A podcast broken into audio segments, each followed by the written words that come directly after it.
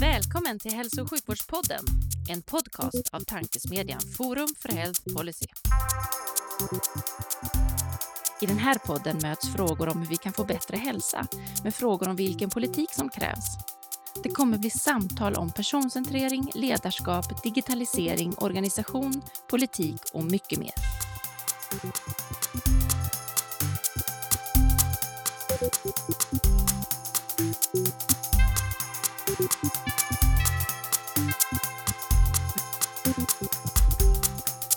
Hej och välkomna till Hälso och sjukvårdspodden, tankesmedjan Forum för Health Policys initiativ för att sprida goda idéer och tankar kring dagens och framtidens hälso och sjukvård och omsorg.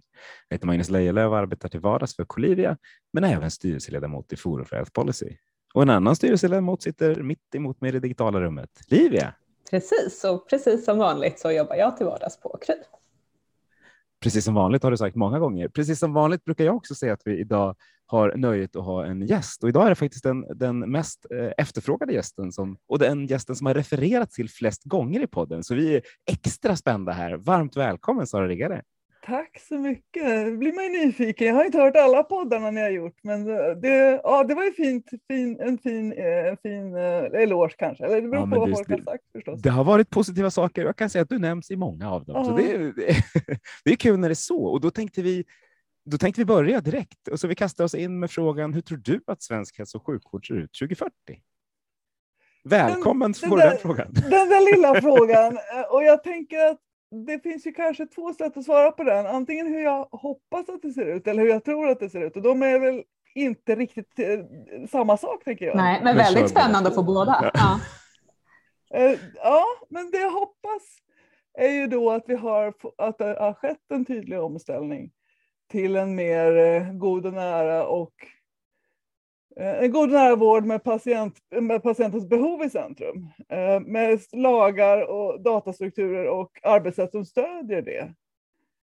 Eh, men det tror jag väl inte att vi kommer ha kommit fram till vid 2040, men det är väl förhoppningen i alla fall.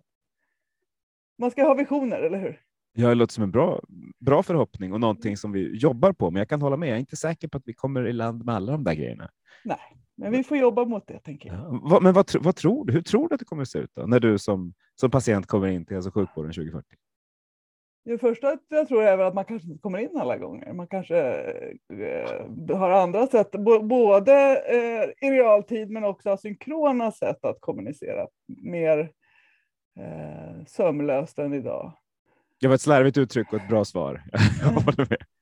Eh, ja, men, men vi, har ju, vi ser ju början på det, men det finns ju en del kvar att göra i, i, i ambitionsnivå och stödstrukturer kan man ju säga. Och vilka ambitionsnivåer skulle du vilja se? Det första och tydligaste som jag ser är ju det här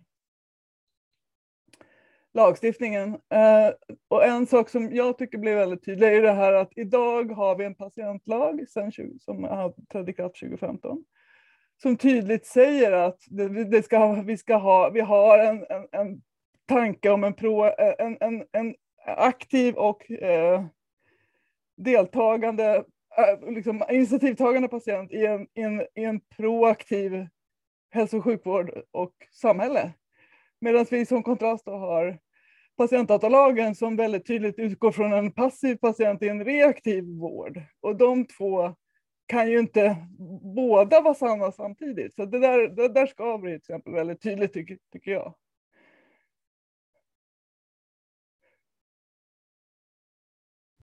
Mm, väldigt eh, bra sammanfattning tycker jag i hur eh, eh lagstiftningen ibland är motsägande eh, vad gäller intentionen också med vad man ska uppnå eh, och hur det kan ställa till med, med problem. Och det är tydligt också eftersom patientdatalagen är ju den äldsta av lagarna så det har ju skett en utveckling. Mm. Och då ser man ju, om man tittar över tid så ser man att det går ju åt ett visst håll. Men, men man, vi, vi, vi som finns i systemet tycker ofta att det går lite för sakta. Verkligen. Det, det, tycker man rätt ofta om man, om man vill någonting. Ja, och, men, och det finns ju vissa, vissa goda skäl till att det ska göra det i den demokratiska processen. Men ibland kan man tycka att det är lite, mer, lite för mycket hängslen och livrem ibland. Mm. Just patientdatalagen är en sån evig, det är typiskt sån fråga som det känns att det, det finns konsensus i att eh, ändra eh, delar där, men, men som vi inte riktigt eh, förmår oss att, att komma till. Nej, nej. Mm. Det, det, har väl tagit steg i den riktningen, men det, det, både, både startprocesserna och de löpande processerna är ju rätt tröga i det här. Mm. Men om, om man tittar då på eh, svensk hälso och sjukvård 2040 och vi utgår från ditt ja. hoppas eh, scenario. Mm. Mm. Eh, vad skulle du vilja se från andra hälso och sjukvårdssystem i världen för att förbättra den svenska hälso och sjukvården i den riktningen? Finns det någonting som andra länder gör bättre än vad vi gör här i Sverige som vi skulle kunna lära oss av?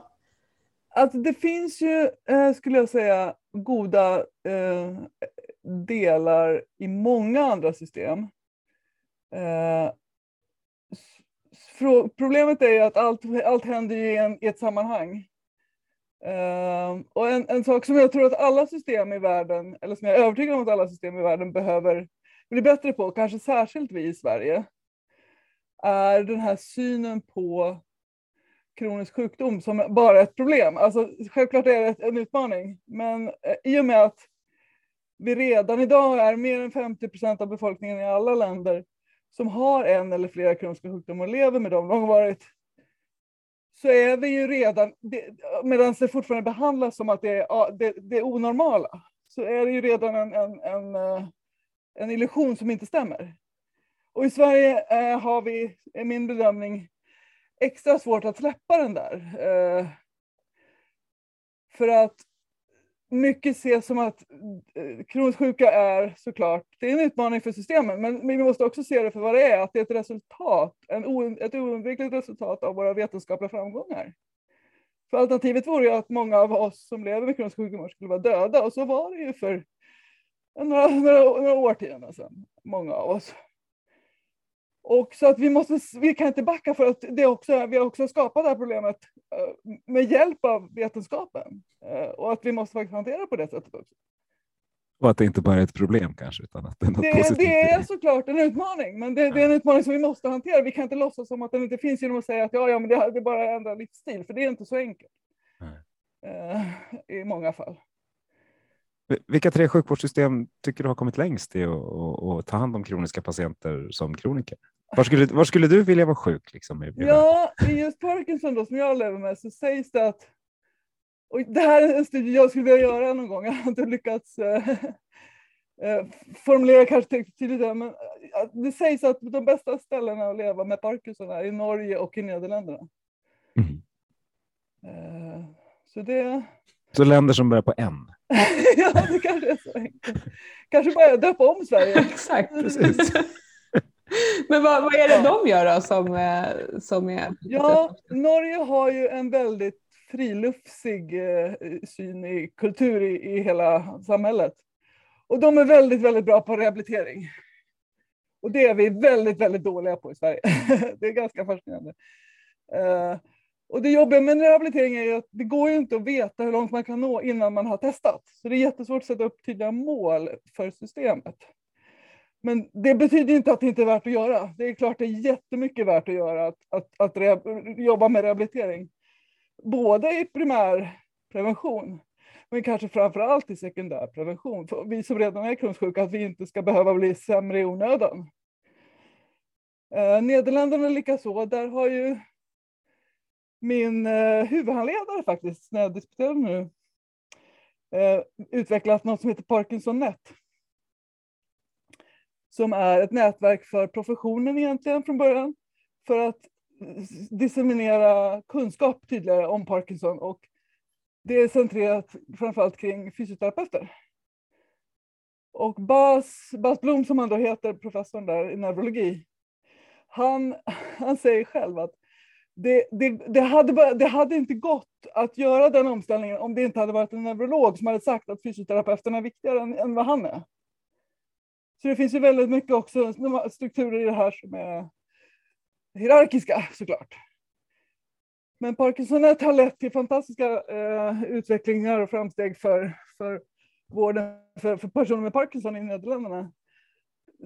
Så att, jag minns inte siffran, men de, de sparar alltså tiotals miljoner euro per år på, på att de inte behöver använda vård och de har också mycket mindre eh, skador och akuta besök än vad man hade tidigare.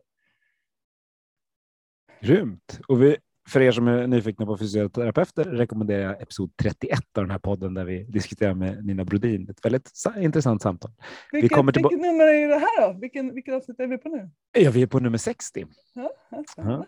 Det går framåt, eh, så som det ofta gör. Ja, tack och lov. Ja, men eller hur? Och vi kommer komma tillbaka till din avhandling. Det är ja. svårt, att, svårt att undvika den och det vill vi inte undvika heller. Ja, ja. Men, men Livia, vi har ju vår faktaruta. Ska, ska du köra fråga nummer tre? Tänker jag, Ja, självklart. Um, och då brukar vi uh, eller har vi lagt till en liten fråga? Nu är vi ju mitt uppe i valår snart. Sommaren är snart här och i höst kommer valet. Om du fick spökskriva valmanifest inför valet mm. 2022, mm. vilka frågor skulle du vilja få in för att styra mot den hälso och sjukvården som du vill se i Sverige om fem år, tio år, 20 år? Ja, det är en svår, en sån liten fråga igen. en sån liten enkel avgränsad fråga. Den, den eh. friluftsiga hälso och sjukvården i Ja, alltså det, det, finns ju något med det här att gå på tur som man gör i Norge. Det finns ju något väldigt eh, folkhälsigt i det, såklart. Men um, en sak som, som uh, kommer tillbaka om och om igen uh, i, min, i, min, i, min, i mina tankar och mitt arbete är ju hur kan man göra patientmedverkan på bästa sätt för att vi ska uppnå en, den vård vi alla behöver och förtjänar och, och, och, och eh, faktiskt eh, har rätt till? Och då tänker jag att det behövs insatser på alla håll, men det, det man vill uppnå är eh, aktiv patientmedverkan i, på alla nivåer i systemet. Det vill säga från det individuella vårdmötet till beslutsfattande på, på nationell nivå. Och då krävs det vissa andra insatser för det. Men jag tänker att för att styra mot det så måste man lägga in någon slags eh, strukturer som, som då belönar eh, den typen av patientmedverkan. Så någonting runt det skulle jag ju såklart se eh, hända gärna. Hur skulle det kunna se ut då, den typen av strukturer? Ja, och det, det, det, det man inte vet är det som är så jobbigt det är ju det vi känner av skulle jag säga nu i systemet allihopa, kanske mest i Sverige, för jag, jag, får en känsla att vi ligger ganska långt fram i världen när det gäller just den här omställningen. Eh, och att det handlar om, vi har, vi har fått vissa lagförändringar som, som leder åt rätt håll i det här. Och det är liksom en stegvis process, men, men de strukturerna som skulle behövas är ju såklart både att man efterfrågar det i, i, i, på de nivåerna. Vilket har börjat i vissa fall. Vissa forskningsfinansiärer har börjat nosa på det och så, och även eh, regioner och annat. Eh, men, men det finns en utmaning i det här. Och när, vi ha, när vi är ett system i förändring, som ju alla system egentligen per definition är, men mer än vanligt, det vill säga den här omställningen som vi är inne i, så vet man inte heller vilka metoder som kommer funka. Det är det som är så svårt. Och då blir det extra svårt att komma igång. För man vet, människan gillar inte osäkerhet. Eh, men där tänker jag att där kan man ta hjälp av, och det har vi sett även under pandemin, tänker jag. Vi som lever med kroniska sjukdomar, sjukdomar långvarigt, vi har ju också en vana att befinna oss i en väldigt konstant osäkerhet på olika sätt. Så jag tänker att där finns det, vi, vi har ju möjlighet att kanske se det på andra sätt än många andra som inte har Eh, ja, inte har den erfarenheten. Så att, och det, det, är ett väldigt okonkret svar på en fråga, men, men jag tänker att det är svårt att ge något mer konkret svar på den frågan. Det, metoder är, metoderna behöver också ändras i systemet.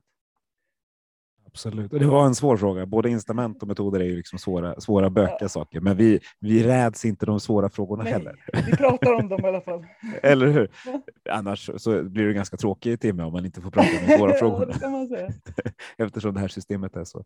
Vi, eh, I den här podden så ställer vi, har vi alltid fyra frågor vi börjar med. Den mm. fjärde mm. den blir lite, lite extra, extra idag eftersom eh, den kommer att pratas om flera gånger. Men vi, mm. vi tänkte fråga om din finaste patientanekdot. För vi vill alltid lyfta in patientperspektivet så tidigt som möjligt. Ja, och då tänker jag, då vänder jag på det och börjar prata om min finaste vårdpersonalsanekdot istället. Perfekt.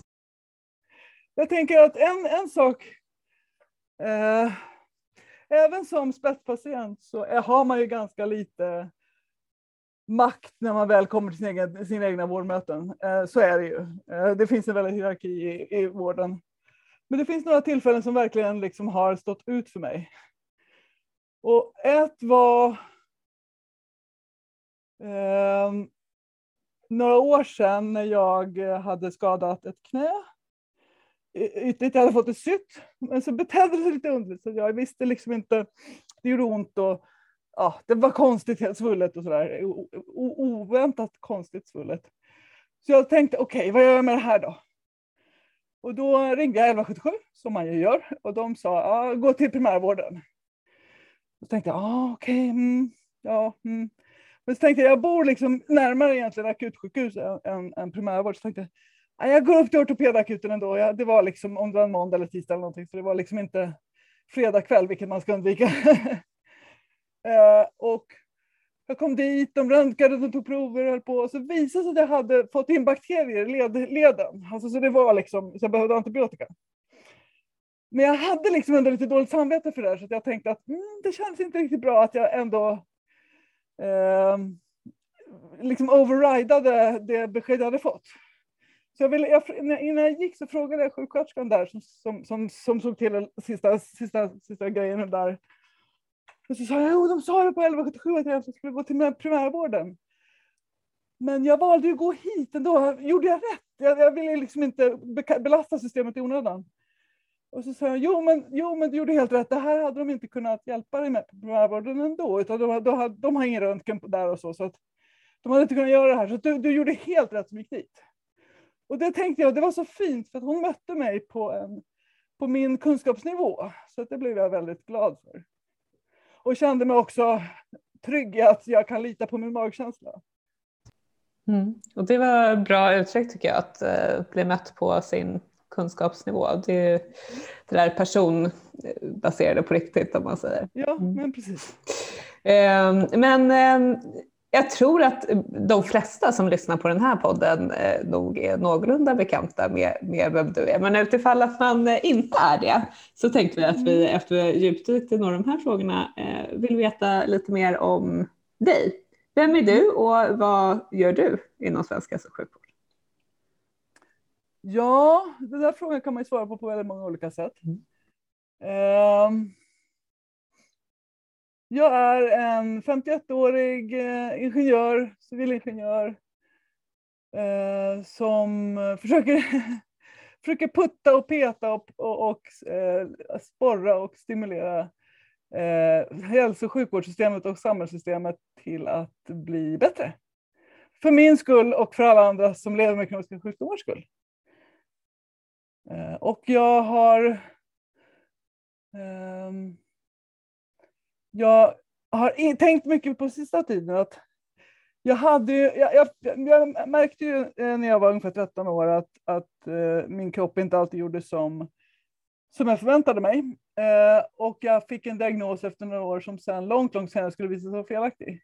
Jag tänker att just det där att jag, att jag har tvingats ompröva, att jag fick en felaktig diagnos först har faktiskt gjort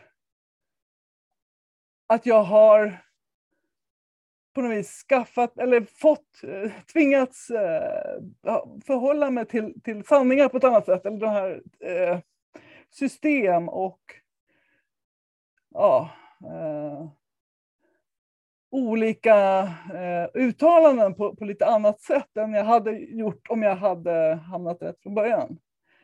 För att har man en gång tvingats ompröva egentligen mycket av det man bygger sin, verklighets, sin verklighetsbild på och sin, sin förklaringsmodell på så är det lättare att göra det igen. Och det försöker jag applicera på alla system jag kommer att träffa på egentligen. Hur, hur ska man få till det utan att det blir fel? Då? Jag, jag, vi vill inte sätta fel diagnos på alla bara Nej, för att lära sig det. Fråga. Och det är jättesvårt. Jag har tänkt mycket på det också faktiskt. Att, och det finns något som inom MTO-frågor, alltså människa, te människa teknik, eh, omgivning, eh, kallas personal, personally significant event. Och det är någonting som kommer så nära så att det gör lite ont.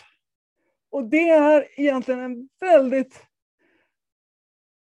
ett, ett väldigt bra, inom citationstecken, sätt att, eh, att som kan leda till, eh, till um, beteendeförändringar eller val av, av annan väg. Och det finns ju mycket stöd för att det faktiskt krävs ett sånt för att det ska hända någonting. Alltså det är lite så här, en, en, en slösa aldrig bort en bra kris liksom. Och det, är lite, det funkar på alla nivåer. Så att jag, jag försöker hitta andra sätt att, att, att, att få folk att komma den här vägen utan att det behöver göra ont. Men, men jag, jag har ännu sett väldigt lite evidens på att det faktiskt går att komma till riktigt jobbiga insikter utan att det liksom hettar till och svider lite. Eh, och det är jobbigt i sig. Liksom. Mm. Verkligen. Du har ju eh, forskat en hel del eh, och är ny, nyligen disputerad också. Ja. Eh, kan du inte berätta lite mer om, om eh, ditt forskningsområde? Absolut. Eh, det började ju med att jag ville använda min ingenjörsbakgrund för att förstå min egen situation bättre men också förhoppningsvis hjälpa andra. Under en period, och det här är en bokserie som ni kanske, kanske inte känner till, Liftarnas guide till galaxen. ja. Från början, lång, länge, länge sedan, alltså 12-15 år sedan, 12 år sedan ska jag säga, så formulerade jag som att jag ville bli en babelfish. Den här lilla rymdfisken som man stoppar i örat så man kan förstå alla språk och kan tala alla språk i hela, hela universum. Jag försöker introducera det här för mina barn. Det går åt skogen. Alltså, alltså oh, keep trying säger jag. Ja, jag, ska, jag jobbar på det. Uh, och uh, jag såg framför mig att jag kunde använda mina, min, min, mina, mina, min förmåga att, att läsa och förstå uh, publicerad forskning och översätta till patienter. Då, från början tänkte jag främst i Parkinson eh, och vice versa. Eh, och då tänkte jag att ja, parallellt med det så tänkte jag att ja, men för att bli tagen på allvar av, av forskare så måste man vara forskare själv. Och då sa jag, då var jag lite nere ett tag där och tänkte, åh vad synd, jag är ju inte det. Jag är ju, jag är Men då sa min, min kloka man att, men du, du är inte det idag, men du kanske kan bli det. Och jag först tänkte, nej, det går ju inte. Hur, ska det gå, hur skulle det se ut? Hur skulle det gå till? Sen började jag liksom tänka på det här, hmm, kanske det går ändå. Och det var liksom där i, den, i, den, i det mötet, i den skärningspunkten som, som det började, att jag började utforska eh, jag var miljökonsult förut nämligen. Jag jobbade med miljöriskbedömningar och scenarioanalyser eh, av förorenade områden. Och det har varit en bra bakgrund för det systemtänket och det, den, den liksom, de ramverken därifrån har jag haft väldigt mycket nytta av. Men, men jag tog mig in i hälso och sjukvårdsvärlden via en, ett masterprogram i hälsoinformatik på Karolinska institutet. Och på den vägen är det liksom. Så vi behöver vara ingenjörer och vi behöver ha miss, fått en felaktig diagnos i början. Då kommer allting att lösa sig. Ja, det, ja kanske inte riktigt bara de delarna. Men, och, och det, och så ska vi bo i ett land, land som börjar på M. Det blir, det blir, det blir snävt snart, Livia. Ja, det blir väldigt snävt här. Vi får, vi får eh, göra en lista. Ja. Men eh, din, din, avhandling här då, som du ja. har försvarat nyligen, Ja. Vad, vad eh, berör den framför allt? Vad är viktigaste ja. poängerna eh, som du vill förmedla från, från den? Det där är så spännande för att jag, jag, den speglas ju av all, olika personer på väldigt olika sätt. Mm. Och, och, jag tycker det är härligt att de som befinner sig i ett visst forskningsområde ser, ser sina delar och andra i andra delar. Men det, det finns så många aspekter i det. Men om det, det viktigaste tänker jag i, i en svensk sammanhang som jag skulle vilja se eh, växa vidare eh, är det, eh, den heter Personal Science in Parkinson's disease. Och Personal Science är ett, ett, ett ramverk för att strukturerat använda sina egna observationer för att besvara sina egna frågor. Och Personal Science använder jag, översätter jag till vardagsvetenskap på svenska. Och jag tänker att där finns det ju någonting som är väldigt lockande för mig. Och som jag tror att eh, det finns en kärna i som är väldigt viktig. Eh, och då vill jag påpeka både att det, är inte jag, det här ordet vardagsvetenskap har funnits och använts på olika sätt. Eh, det är liksom inte ett nytt ord på det sättet. Och likaså fenomenet som jag kopplar ihop det med är på, på inga sätt nytt.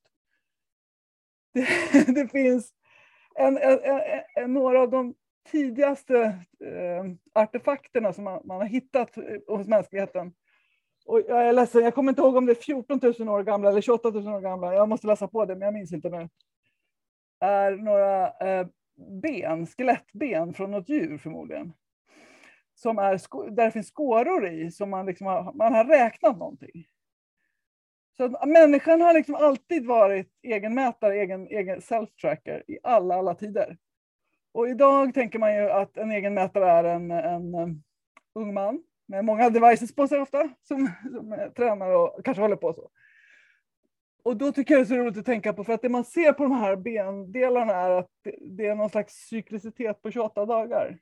Och en av de, de ledande teorierna är att det handlar om menstruationscykler. Och då tycker jag det är så kul att tänka att den första kända self-trackern kanske var kvinna. Mm. Så att fenomenet är inte heller nytt eh, på inga, på, på inga, inga sätt.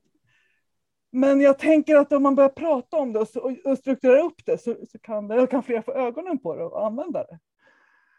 Eh, så att det, det skulle jag säga är, är, en, en av de viktigaste kärnorna i det. Att det förhoppningsvis kan vara en, ett, ett steg till nästa utvecklingsled i det här. Hur man kan prata om och använda vardagsvetenskap som ett komplement till, till konventionell klinisk forskning. Det som, som eh, ofta kommer upp tycker jag eh, när man pratar om eh, just eh, så att säga eh, applicerad vardagsvetenskap, då, att patienter ja, faktiskt ja. gör på det här sättet och, och samlar ja. in data själva och så vidare. Det är ju eh, så att säga, förmågan hos hälso och sjukvården att vara mottagare också för Ja, eller avsaknaden av förmåga. Ja, precis. det var man uttrycker. eh, vad, vad liksom ser du, eh, vad, vad tror du att det där beror på? Att det är så, så svårt att mötas i så att säga, ja. vårdens ordinarie vetenskap och eh, vardagsvetenskapen då, som kommer från patienterna? Ja det finns, hur lång tid har ni på er liksom? Men, men en, jag, jag, minns ett tillfälle när jag stod på en scen eh, på en, en lokal eh, och pratade om hälsodata. Och eh, det var ganska tidigt, så det var inte eh, i min, liksom, i min eh, karriär inom den här branschen då, liksom, kan man säga. Så jag var inte riktigt så känd som jag kanske är nu.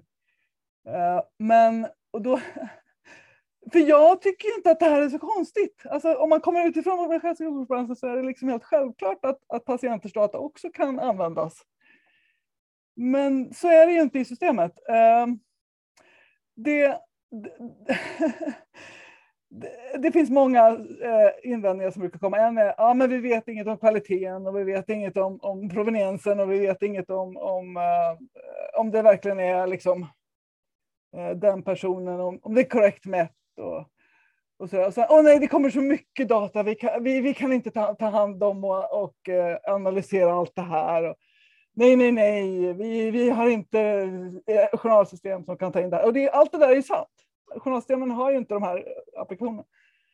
För dagens journalsystem är, är ju utvecklade ursprungligen för att vara eh, finansieringstrackers. Eh, liksom. de, de, de gjordes ju först för att se till att man får rätt betalt för rätt sak, för rätt in, insats.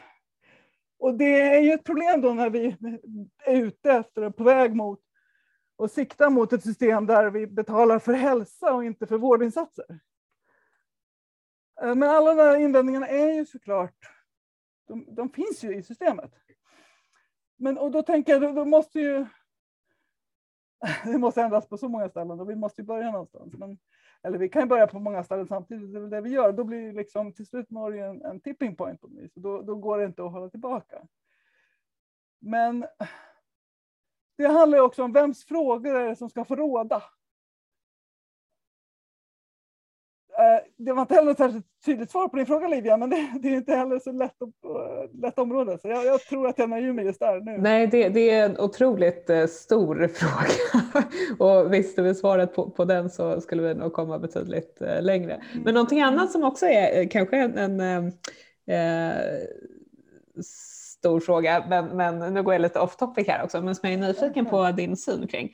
Eh, du, du eh, ses ju ändå eh, ofta som en företrädare för så kallade spetspatienter, alltså mm. patienter som vill och kan vara aktiva och informerade i, i sin egen vård. Ja. Ibland så, så, tycker jag mig höra när man är, är ute och eh, minglar runt i, i svenska vårdsystemet, eh, en invändning till det också. Att, ja, men liksom om, om, vi lyssnar för mycket på de här spetspatienterna, vad innebär det då för patientgruppen som inte vill och kan? Hur ser du på, på liksom den, det resonemanget eller den invändningen kopplat till? Det är ett helt riktigt, om, om det skulle betyda det så vore det såklart ett problem. Mm. Men eh, det är ju inte riktigt så enkelt som, som det så sällan är. Det, det är aldrig, finns aldrig enkla svar på komplicerade frågor mm. tyvärr. Eh, det finns ju inte någon eh, certifiering eller liksom godkännande för om man är spetspatient eller inte, utan det är liksom en, en, en ett epitet som man, man eh, använder om man, om man känner att man passar in i det. Så från spetspatientrörelsen tar vi inte ansvar för att alla de som kallar sig spetspatienter är, är det vi ser som spetspatienter. Det får man ju ta från fall till fall. Det, eftersom som sagt inte finns något spetspatientkort så, så går det inte att göra det. Liksom. Men det vi i kärnan i ursprunget ser som spetspatienter är ju patienter som vet, kan och vill mer, men som också ofta, och som ofta gör mer än vården förväntar sig men som också även för, arbetar för att förbättra hälso och sjukvårdssystemet. Uh, så att ja, man kan ju se en parallell till det och säga att ja, men om man pratar med en vårdpersonal så kanske man missar något som någon som inte man pratar med har, har, har, har, har som är viktigt. Mm. Det är samma sak där. Ja. Man är alltid representativ för, för antingen en, en, en viss grupp, vilket man sällan kan eh, säga att man är, mm. Men man kan ju också representera olika perspektiv eller olika eh, expertis eller kompetenser. Så man får hålla ordning på vad det är man är ute efter i olika sammanhang. Mm.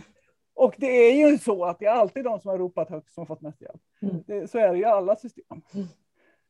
Eh. Ja, man kan ju se det från perspektivet också att eh, ju fler som vill och kan och som också får möjlighet ja. att göra mer själva kan ju frigöra tid för Eh, för de patienterna som inte... Det man kan se tydligt i, forskningen, som jag tycker är intressant i det här sammanhanget, är att om man frågar vårdpersonal vad patienterna vill, vill, behöver, så får man ett svar. Men om man frågar patienter direkt så får man ett annat svar. Och i alla system, eller i, i, i ska inte säga alla för det vet jag inte, men i, i, i, en övervägande majoritet av system, sammanhang och, och, och, sjukdomar och diagnoser så väljer patienterna mindre invasiva behandlingar än vad vården gör åt dem. Det vill säga att det kostar mindre. På gruppnivå ska sägas. Så att det kanske är så att vi, vi inte ska fråga på vårdpersonalen så ofta. Det kanske är de som har fel. Skulle kunna vara så. Eh, Nej, nu, nu raljerar lite, men, men ja. det, det, det, finns inga enkla svar på komplicerade frågor. Verkligen inte. Du, du var inne på eh, i inledningen eh, här kring eh, framtidens hälso och sjukvård eller vården 2040. Eh, så eh, på ditt hoppas-scenario så var du inne på omställningen till god och nära vård med patientens behov i centrum. vad är din bild av hur god och nära vård med patienten i centrum ser ut och hur den funkar? För det är ofta man får lite olika svar på den frågan. Jag är nyfiken på ja, ja, och en sak. Jag tror att jag sa patientens perspektiv i centrum. För det är också skillnad mellan att ha patienten i centrum eller att ha patientens perspektiv i centrum. Uh, om jag inte sa det så säger jag nu. Vi är rätt säkra på att du sa det. Uh, och det är en viktig perspektivskillnad som man måste ha med sig. Eh, som är eh, helt avgörande för att, för att det ska bli rätt. Eh, för att om man har patienten i centrum så är patienten en passiv eh, eh, liksom, objekt som, man, som alla står runt och tittar på. Medan om man har patientens perspektiv i centrum så kan patienten också vara en del av teamet som, som arbetar kring det. Och det är den, just det skiftet som jag tänker är det allra, allra viktigaste i god och nära vård. Och det kopplar tillbaka till den här eh, insikten jag pratade om tidigare här som, som svider, som gör lite ont. Jag tror faktiskt att, att den här insikten är en nödvändighet på individuell nivå för att man ska kunna bli en aktiv medskapare i sin egen hälsa. Och många av oss, vi har faktiskt nyligen fått eh, lite sifferdata på vad, vad, vad vi, hur många vi tror kan vara spetspatienter i, i landet. Och vi, ungefär 10 procent av befolkningen skulle kunna ses, eller det är väl någon slags i alla fall, kanske lite högt, men i alla fall inte alldeles för högt. Alltså, säg 7 till 15, någonstans där, eh, procent kan vara eh, spetspatienter. Och och av dem så är det väl en del av dem kanske då som har, som har sett den här, som jag visuellt har gjort som en, en röd blixt. Som liksom slår till. Det är verkligen så här Eureka moment, så här, som man ofta minns. Liksom. Jag minns mitt, jag minns inte exakt var jag var, men jag minns verkligen hur jag tänkte när, när jag insåg att men tänk om min neurolog inte kan allt. Vem, vem ska då kunna hjälpa mig? Och just det här avgrunden som öppnar sig framför fötterna när, när den tanken slog mig i, i, liksom i bakhuvudet. Och till att jag då tänkte nästa steg eller nästa, nästa det, det gick inte ögonblickligen, det där fick ju ligga och gro lite grann. Men just det här att, ja, men om jag tar kommandot och är den som ställer frågorna och, och driver framåt, då kan vi ju göra det tillsammans. Då kan jag ha honom som stöd, men inte ha honom som, som ledstjärna, utan att, att vi gör det tillsammans. Och då fick jag ju till en helhet på ett annat sätt. Och det där tror jag är väldigt personligt, just den här insikten, men jag tror att den är helt avgörande för att man ska få till en god nära vård med patientens perspektiv i, i centrum och med en aktiv, eh, eh kunnig och engagerad patient en bra bild, eh, väldigt, väldigt tydlig och ett, ja. ett sånt moment man vill ha. Eller moment. Eh, Livia kommer att checka ut nu. Det är inte bara för att de fyller år, men grattis Livia. Grattis Livia. Eh, utan för att de behöver göra. Men vi kommer att fortsätta samtalet ja, naturligtvis. Det gör vi. Ja. Eh, och, och då tänkte jag, då fortsätter jag med de lätta frågorna. Sara. Eller hur? Du, du, har stått på, på, du sa det, du har stått på scenen under en lång tid och pratat om hälsodata. Mm. Det känns som att det är det vi har pratat om, fast i olika, olika former. Ja, det är hur, en av frågorna som är på agendan nu. Ja, men exakt. Och som jag känner, liksom, i, i, i, jag tror inte vi förstod att vi pratade om det först, mm. men vi, ju mer och mer vi pratar. Nej, men det är sant. Det håller med Hur, hur, tycker du att den diskussionen har utvecklats och liksom, vad, är det, vad är det vi saknar för att, för att ta, oss, ta oss hela vägen? Jag, jag har med glädje sett hur den har eh, mognat under de senaste åren. Eh, ganska snabbt ändå, tycker jag, glädjande nog. Eh, det som fortfarande saknas är ju att prata om det på rätt, äh, prata om, äh, äh, kalla en spade för en spade liksom, för att mm. fortfarande är det ganska svepande, mindre svepande än det har varit tidigare, både i, på scener och i, i debattartiklar och, annat, och politik och annat, men, men att man liksom pratar lite svepande om hälsodata som, som är liksom, det, det är så enkelt, för det är det ju inte. Det är skitsvårt. Eh, Eh, men det som fortfarande saknas tycker jag är eh, en kompetenshöjning. Eh, och då kanske framför allt i nuläget på patientsidan, patient och patientrepresentanter i patientrörelsen. För att annars kan man inte få till en konstruktiv diskussion som leder framåt. Om, man, om, om en, en part är liksom bara eh, passagerare, för då, då blir det inte bra det har eh, skett en, en, ganska snabb, tycker jag, och glädjande utveckling där under pandemin, inte minst. Eh, men det finns en del kvar att göra där, tänker jag, för att vi ska bli lik, likvärdiga diskussionsparter i det här tror det finns en, en, vi behöver höja kunskapen på ganska många olika håll. Vi, Absolut. och prata om, precis som du säger, visst pratar vi mycket mer om samma sak, men det känns Mm. fortfarande som vi pratar om, om hälsodata, vårddata, patientdata, data i systemet och utanför systemet. Och, liksom, Sekundär Ah. användning, primär ja, och så vidare. Så vidare. och själv är man så här, för att jag vill, jag vill ju att all data som flödar kring mig, oavsett var fan den kommer ifrån, vill jag att den ska kunna användas för att jag ska kunna ta mer, bättre beslut kring, kring min sjukdom och att vården ska kunna göra det. Ja, och, och, och, på det temat så tänker jag att vi också som, en, som ett resultat av en, en kunskapshöjning kommer att få eh, en mer realistisk förväntan på vad som går att göra. Mm. Ibland tänker jag att, att jag tänker tillbaka till eh, eh, när jag pluggade på KTH på sent 80-tal, 1980-tal, tidigt 1990-tal så var en av eh, våra professorer i, i biokemi var Mattias Ullén.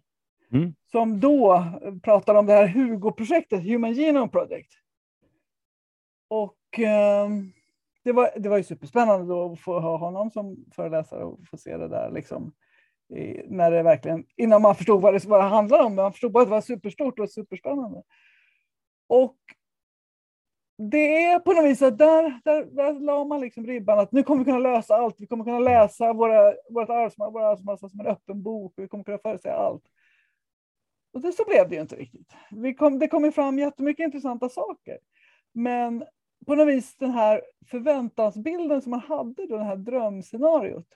Det har på något vis, lever på något vis kvar i människors ja, i folkminnet på något vis. Och man tror ofta, mannen på gatan eh, tror att ja, men om man vet arvsmassan så kan man svara på alla frågor. Och så är det ju inte. Vissa specifika sjukdomar kan vi svara på. Men det kräver väldigt mycket kring eh, analyser och, och, och resonemang. Så jag tänker att det finns ju en orealistisk förväntan på vad som går att göra i dagsläget. Och det är väl dagsläget jag tycker är ordet där, för jag, för jag håller med. Och jag menar, om du tittar på vad, som, vad man kunde göra precis när det projektet kom så var det en sak. Men Ja. 20 år senare så kan vi göra väldigt, väldigt mycket mer Ja, eh, men och mycket kan- billigare. Och, Ja. och liksom det, det händer och det borde, borde ju jag menar, vara samma sak på det andra området. Vi kommer om 20 år, när vi pratar 2040, Mm. då kommer vi ju kunna se andra saker. Kanske inte det vi trodde vi skulle se eller lika snabbt som vi skulle se, Exakt. men, men nog kommer det hända Och, saker. och det är det som är så spännande i det här. Men jag tänker att det är ju också... ehm, ja, ja, det finns så många trådar här. Välj och vraka vilken du vill ta. Ja, ehm, jag tänker att det finns ju såklart, vi kan ju göra mycket mer nu än vi kunde då såklart, eftersom det gått framåt. Men fram, samtidigt så måste vi också tänka på bekostnad av vad? Alltså det, man kan ju bara använda alla pengar en gång ändå. Eh, det vet vi, annars så rasar ju alltihop. Man kan ju tycka om nya pengar, men det är ju sällan lyckat för ekonomin. Eh, eh, och det blir ju, det måste ju alltid till prioriteringar. Och det blir ju alltid, man kan inte, man kan, måste göra, man måste ju tänka vad är det viktigaste vi kan göra just nu? Och ja, det finns all, absolut många spännande möjligheter, men jag tänker att om vi alla då höjer kompetensen i vad, vad, vad, man, vad faktiskt är möjligt att göra så kan man få mer eh, också stöd och skjuts i omställningsarbetet om, om man har en mer gemensam syn på det. Absolut. Mm. Ja, men, och, och nog är det så. Det är nog mer att jag håller med. Det är bara att jag vill att förväntansbilden ska vara ganska långt fram så man Ja. vågar, vågar liksom stressa systemet. Det, Ja, det är nog men- mer det som är med. Och, och sen finns det, vi ska inte backa för det eller blunda för det heller, att det finns ju också utmaningar i det här med data. Eh, Mm, ja. sagt. Ett par stycken. Ja, och då tänker jag mer på liksom the, the dark side av, av, av data och inte bara hälsodata, men i, i persondata. Liksom. Och eh, där sker ju en hel del eh, initiativ just nu. Men GDPR var ju en, en, en, en någon slags eh, viktig milstolpe i det här. Att, att få, det, det blir någon slags styrinstrument eh, instrument för vad vi har för avsikt som, som, som samhälle. Eh, men, och det är ju första, första versionen, men det är inte sista versionen. Det kommer behöva liksom buffas och, och brottas med det där och se var går gränserna då? Um, och molntjänster, alltså det finns ju mycket i det där som man måste tänka på. Men också mycket som man inte kan tänka sig fram till utan som man faktiskt måste testa och då inte låsa fast det för tidigt. Och var ska gränsen gå? Det, det vet vi ju inte idag, för vi, vi vet ju inte vad, vad, vad, vad, vad, vad riskerna är alla, alla, alla gånger. Mm. Och, så sätter vi upp gränserna själva. Man tittar på, vi har ju en gräns ah. mellan prevention och sjukvård som ju liksom är, är ganska hård, fast den. Ja, inte om man tittar hälso och sjukvårdslagen. Där, Nej. där finns det ju inte till exempel. Det är liksom tillämpningen av den och det, det, det, det blir ju knepigt på en gång. Ja. Men om man tittar på verkligheten så ser man liksom att det är så på på matvaruhandeln och, och, och gymmen och apoteken, det är en sak och sen så mm. har du sjukvården som en annan sak, mm. fast det är liksom samma patienter som tar sig däremellan och som befinner sig på samma ställen fast i olika skeden av livet. Ja, och också det finns många pedagogiska utmaningar i det här tänker jag. Eh, en är ju det att ungefär 10 procent av vår hälsa kommer från hälso och sjukvården. Mm. 50 procent uppskattas det till kommer från eh, individuella faktorer som arv, miljö och sociala eh, aspekter. Alltså var man bor och socialgrupp och social, social, sådana typer av eh, eh socialgrupper finns nog inte som begrepp längre. Jag känner mig tillbaka till 70-talet. Jag ber om ursäkt.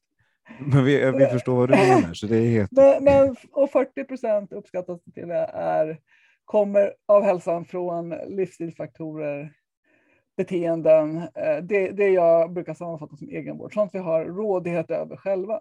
Mm. Men, och sen sker det ju massor med konstiga saker i det här systemet. Det är också lite så här att i Sverige, det finns många aspekter i Sverige som är lite speciella. En av dem är att min erfarenhet, min känsla är att i Sverige mer än på många andra ställen så har man en syn på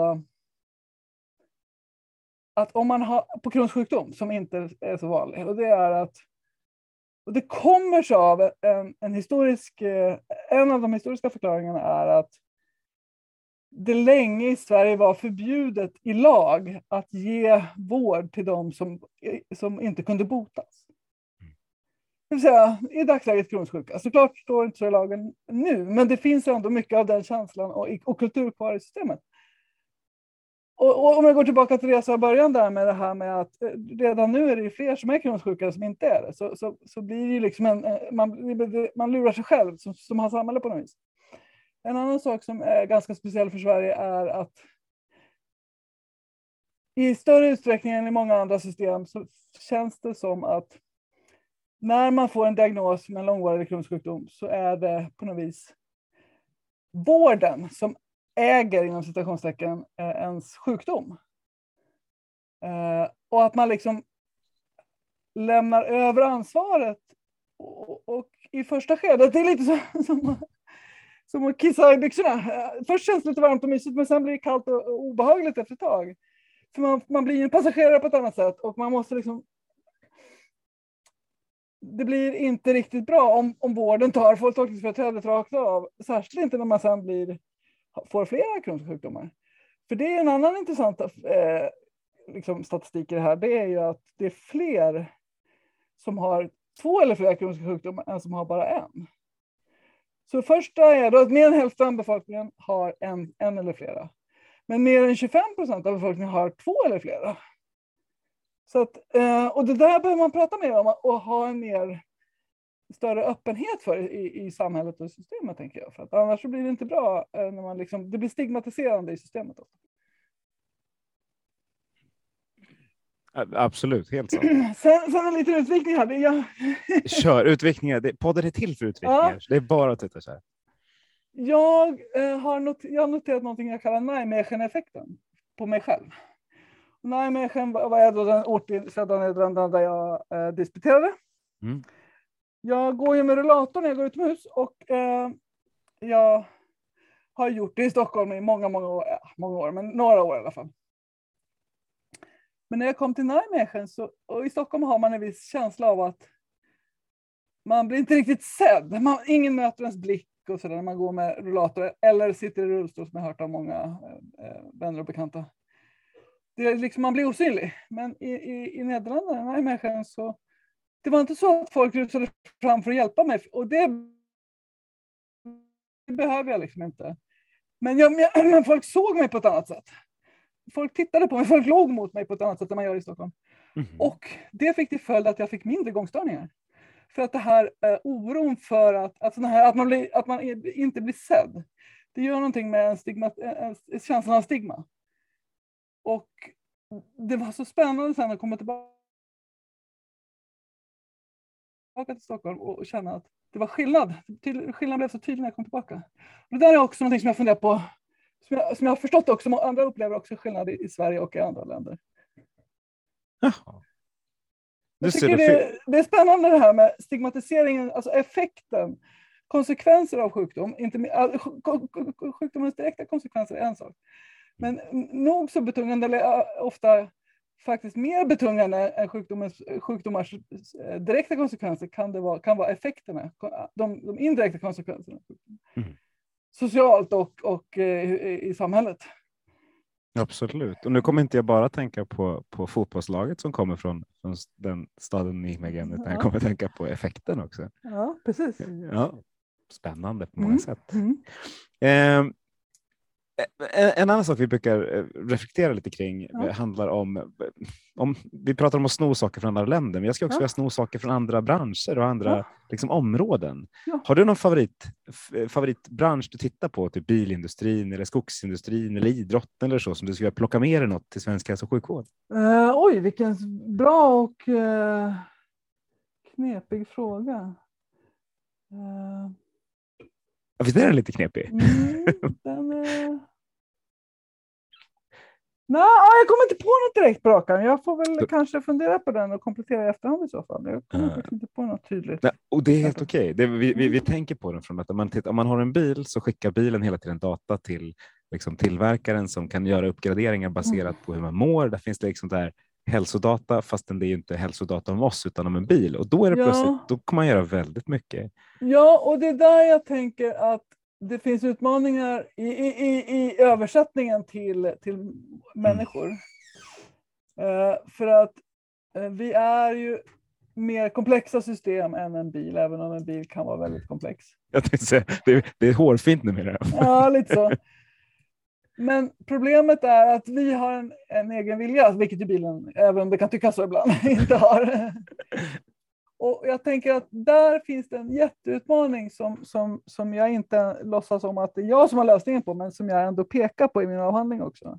Mm. Det här med sammanhanget, alltså kontexten. Och att det finns en jätteutmaning i det, där det finns en liten blindfläck i, i hälsodatafrågan, en ganska stor blindfläck skulle jag säga, när man pratar om den i, i vård och forskning och andra sammanhang. Och det kopplar tillbaka till det här vi pratade om med datakvalitet, som jag pratade om datakvalitet förut, eh, med patientinsamlade data. För att eh, man vet till exempel att eh, studier på barn om, om fysisk aktivitet, mm. och de får någon belöning, om det är ganska små barn, de får någon belöning om de är aktiva så för, för, att man ska få samla in stegdata. De, de är inte dumma, de sätter ju det där på hunden. Och det vet ju inte forskarna, så att då, då får man ju fel data där. Och då tänker jag just den här kontexten är så himla viktig för hur man ska tolka data. Mm. Och mycket av de här eh, stora insamlingarna missar kontexten. Och om man tar det dessutom sen nästa steg till gruppnivå som man gör i konventionell klinisk forskning, så kan ofta signalen från en individ bli, bli förlorad i allt brus. Så att det kanske finns en jätteviktig eh, signal någonstans för någon individ som betyder jättemycket för den individen, men som när man behandlar det statistiskt på gruppnivå så förloras den i, i, i, i allt det andra. Så jag tänker att vi behöver också tänka på och det där jag tänker jag vardagsvetenskap kan ha, en, kan ha en väldigt viktig roll, att tänka på vilka frågor är det vi vill besvara då? Är det på gruppnivå eller är det på individnivå? För är det på individnivå så behöver vi jobba på andra sätt. Och innan vi har kartlagt det och jobbat med det så kan vi egentligen inte få in de här stora datamängderna på, på, den, på det sättet. För vi, vi måste förstå bättre. Vad, vad, hur, hur tänker individer och vad vill de ha för svar på för frågor? Sant. Du ser bilindustrin som vanligt så lockade fram ett bra svar, även ja, om det var en annan fråga. Här. Ja, ja, mm. eh, det går fort när man har roligt. Nu har vi, suttit och pratat, ja, vi har pratat i nästan en timme, vilket ja. känns helt bisarrt när man tänker på det. Vi, jag har hur många frågor som helst som vi eh, pratar vidare på, men vi, vi, har lärt oss att det är bra om man, om man, man blir liksom folkhälsan ökar om man är ute och går en timme, men går man mycket mer så kan folk bli lite slitna. Så vi tycker det är en ganska la lagom tid. Jag liksom. håller med. Och när du kom in i det här digitala samtalet, förutom mm. att jag glömde skicka frågorna till dig i förväg, så dina förväntningar måste varit noll. Hur... Jag hade ju hört lite, jag visste, jag visste ungefär vad jag hade förväntat mig. men var det något du hade velat prata om som du inte har, känner att du har fått prata om? Med, Nej, med men jag tycker att det har varit ett både givande och eh, intressant och tankeväckande samtal. Och det, var, det väntade jag mig ju, så att. Eh, med, det här, med, de här, med de här diskussionspartnerna. Men det, det är ändå väldigt, väldigt, eh, man vet aldrig vart det tar, vart det bär av. Bara att det tar intressanta kringelikrokar och det är alltid kul.